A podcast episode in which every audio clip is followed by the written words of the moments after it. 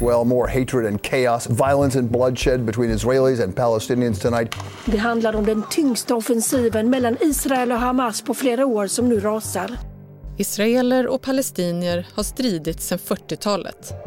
På en kvart får du reda på varför inte är oväntat att striderna blossat upp igen och hur den blodiga konflikten ska kunna få ett slut. The indiscriminate launching of rockets and mortars towards Israeli population centers is unacceptable. Det är fredag den 14 maj. Jag heter Maria Jelmini och här är dagens story från Svenska Dagbladet.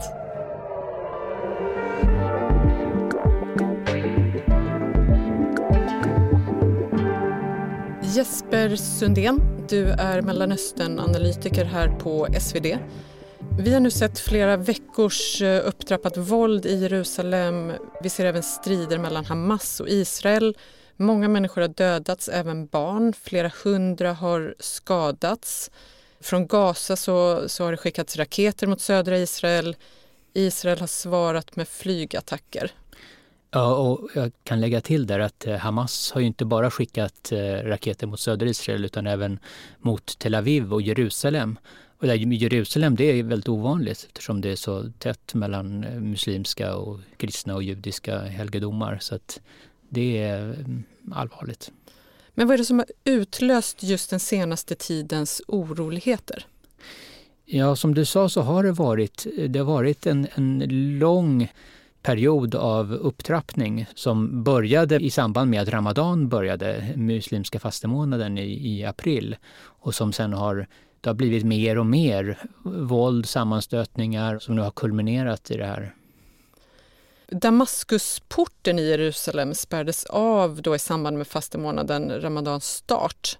Och det här ledde till konflikter bland annat. Varför var det så känsligt?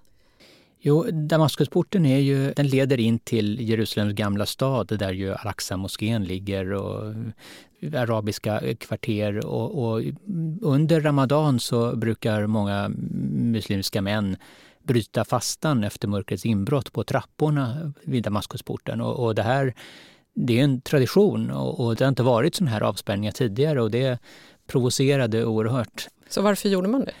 Ja, det finns, eh, finns olika svar på den frågan. Många talar om att det handlar om nya och oerfarna poliser, en ny oerfaren polischef.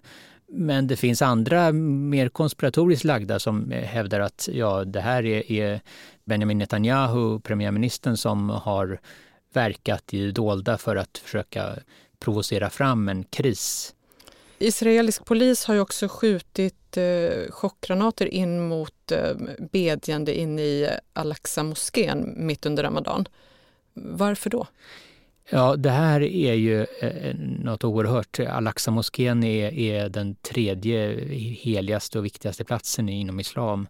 Och de jagade ju stenkastande ungdomar som eh, visserligen, det var inte småsten de kastade, det var, var ganska grova grejer, men, men att skjuta in chockgranater in i Al-Aqsa-moskén på den sista fredagen under Ramadan och, och, tidigare under, på den dagen, fredagsbönen, eh, den, den, sam, de samlade 70 000 palestinier här. Och många av dem var ju kvar och bad. Och, och det, bilderna på det här det, det provocerar muslimer något oerhört, inte bara palestinier utan eh, över hela världen så har ju kommit protester och Arabförbundet har fördömt det här.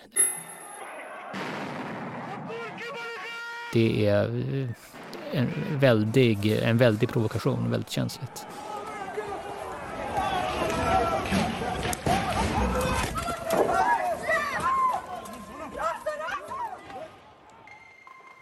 Slutet på 1800-talet började europeiska judar flytta till dåvarande Palestina, det land judarna en gång fördrivits från. Efter första världskriget hamnade Palestina under brittiskt mandat och britterna lovade att det judiska folket skulle få ett nationalhem i Palestina. När judeförföljelserna i Europa eskalerade på 30-talet så ökade flyttströmmarna kraftigt och efter Förintelsen så stärktes världens övertygelse om att judarna behövde en egen stat. The resolution of the Dutch Committee for Palestine was adopted by 33 votes, 13 against, 10 abstentions. Efter ett delningsförslag i FNs generalförsamling så förklarades Israel som stat år 1948 efter ett blodigt krig där Israel, trots motstånd från arabländerna, tog över större delen av det gamla Palestina och betydligt mer än i FNs delningsförslag. 750 000 palestinier förlorade sina hem. 20 år senare, under sexdagarskriget 1967 ockuperade Israel ännu fler delar och ytterligare flera hundratusen palestinier fick lämna sina hem. Men om vi tittar på det som händer nu så har man känslan av att eh, situationen har blivit mer och mer instabil under en längre period. Vad skulle du säga ligger bakom det här? Ja, en bidragande orsak är att det finns en, en nationalistisk och extremistisk våg inom israelisk politik som delvis har att göra med att eh, det kom in extrema partier i Knesset, eh, det israeliska parlamentet, i det senaste valet. Och det var delvis därför att Benjamin Netanyahu, han, han stödde dem att bilda en valallians eh, Ja, för att han ville ha deras röster och de ska kunna komma in och stödja honom i, så att han kan fortsätta som premiärminister.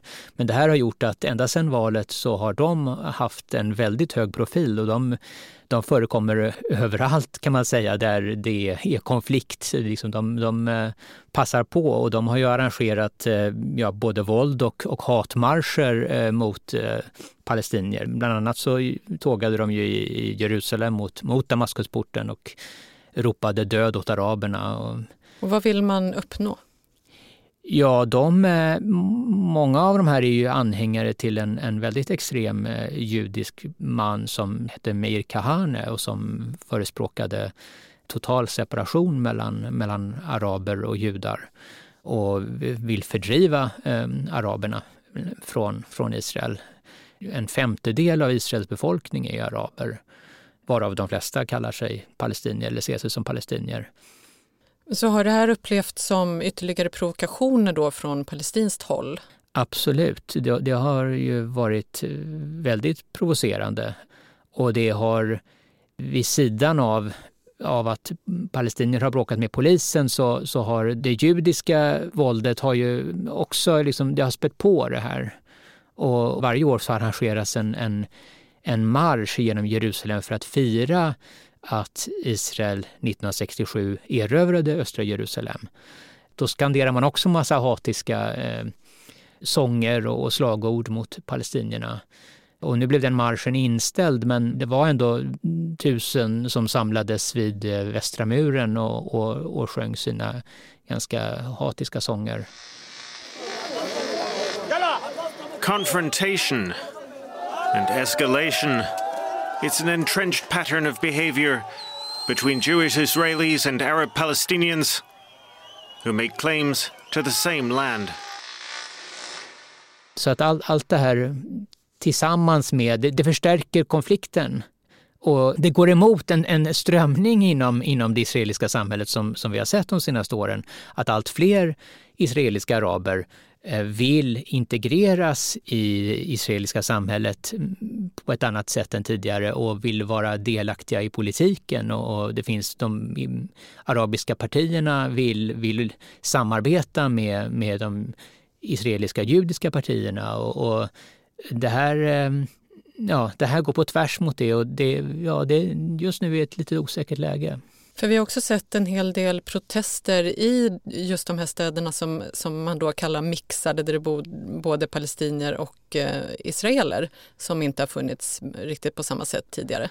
Ja, ja det är en väldigt oroväckande utveckling. Eh, för, för eh, det var länge sedan araber och judar eh, slåss mot varandra i, i, i israeliska städer. Eh, och det, det har ju säkert eh, förvärrats av uppvigling då från, från både högerjudiskt håll och från nationalistiskt palestinskt håll.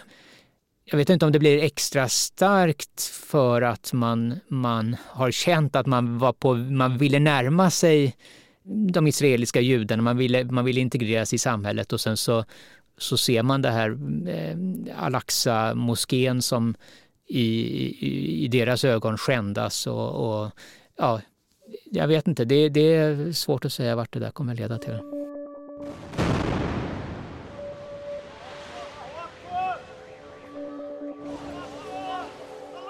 Det har funnits perioder när Israel och Palestina närmat sig varandra. Under Osloprocessen i början på 90-talet så fördes förhandlingar mellan Israel och PLO, den palestinska frigörelseorganisationen, som länge leddes av Yassir Arafat.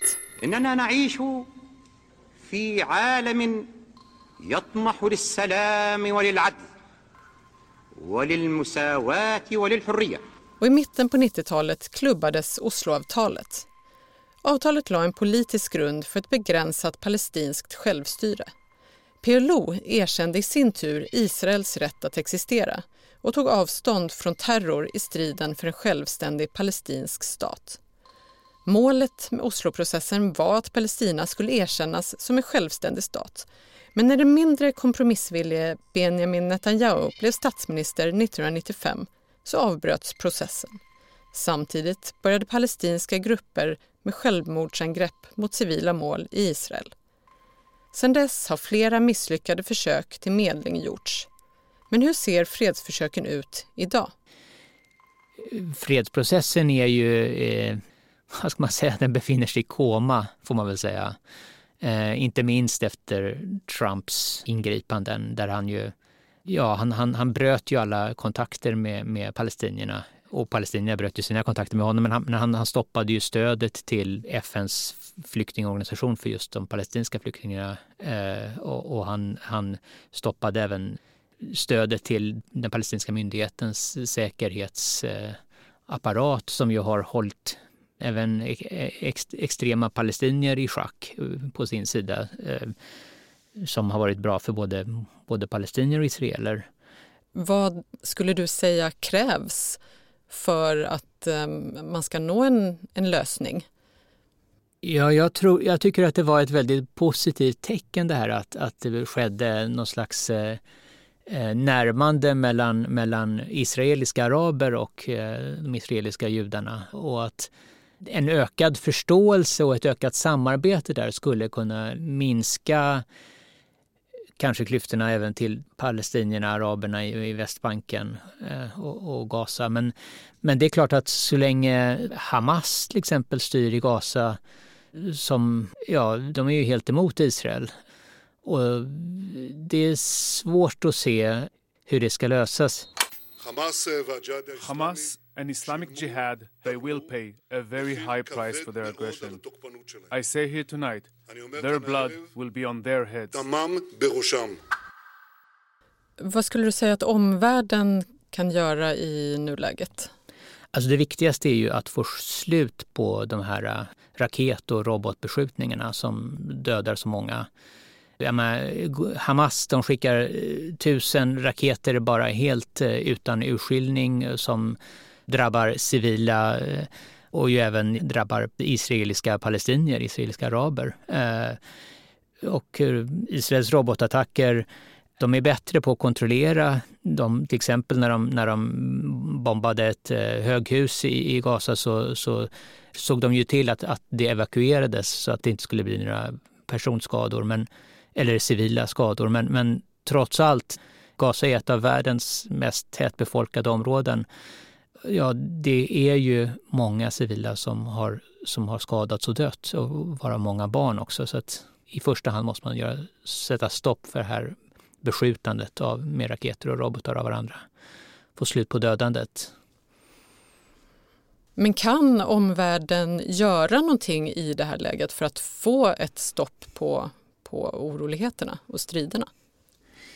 Jag tror att det framförallt är, är USA som skulle kunna göra någonting. USA är Israels främsta allierade och stöder Israel. Men Biden har ju också räckt ut en hand till palestinierna och han har återupptagit det ekonomiska stödet som Trump stoppade och, och han har mm, på olika sätt signalerat att han vill ha igång fredsprocessen. Den nya Biden-administrationen hade hoppats att de skulle kunna ägna mindre tid åt eh, Mellanöstern överhuvudtaget men också åt eh, Israel-Palestina-konflikten och ägna sig mer åt kampen om världsherraväldet eh, med, med Kina. Men nu när det här har exploderat på det här sättet så hoppas jag att de kommer att, att ta det här initiativet och de, de skulle kunna påverka båda parter. det är egentligen nästan ingen annan som skulle kunna göra det, tror jag. Tack Jesper Sundén för att du var med. Tack. Vi som gjorde programmet idag är Daniel Persson Mora, producent och jag heter Maria Jelmini.